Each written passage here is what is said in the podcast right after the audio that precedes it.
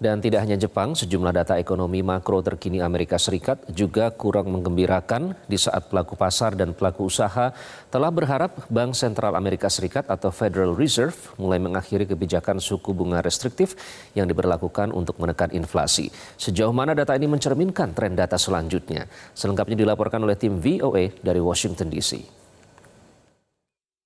Dua indikator laju inflasi menguat melebihi ekspektasi. Indeks harga konsumen menguat 0,3 persen secara bulanan, meski ini membawa angka tahunan ke 3,1 persen, menurun dibandingkan 3,4 persen bulan sebelumnya. Sementara indeks harga produsen yang memantau harga di tingkat grosir juga menguat 0,3 persen, membawa angka tahunan ke 3,1 persen juga. Inflation still is is heading in the right direction in terms of a downturn. Again, we may get a specific little element that might pop from here, you know, from month from a month to month perspective, which is okay in the grand scheme of things. I do think there are deflationary forces coming from China, for example. I do think a lot of the inflationary pressures that we felt through COVID are over at this point.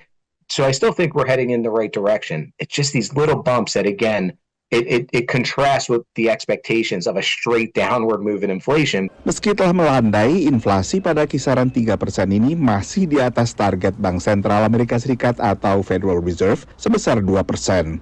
We heard from one of the Fed governors that they're not waiting for 2% inflation. So we put a bottom on it. We're not looking to totally return to that target.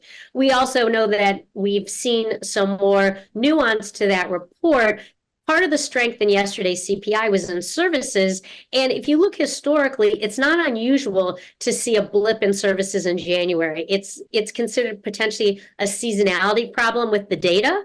So we'll certainly sit back and wait for the Fed's preferred um, data on that, which is the pers personal consumption uh, expenditures numbers, those PCE numbers. Indeks harga pengeluaran konsumsi pribadi bulan ini dijadwalkan diterbitkan oleh Departemen Perdagangan pada 29 Februari. Pada saat yang sama, data terkini seputar penjualan retail akhirnya kurang mengembirakan.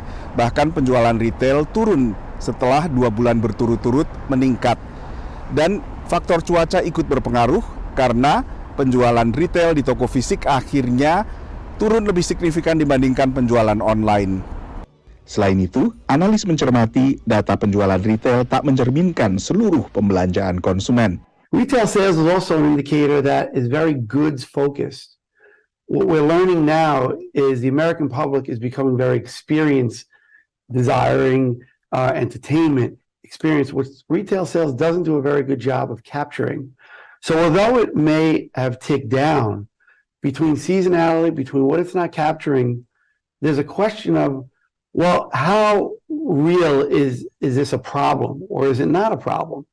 Pengamat umumnya memperkirakan The Fed paling cepat mulai menurunkan suku bunga acuan pada pertemuan Mei.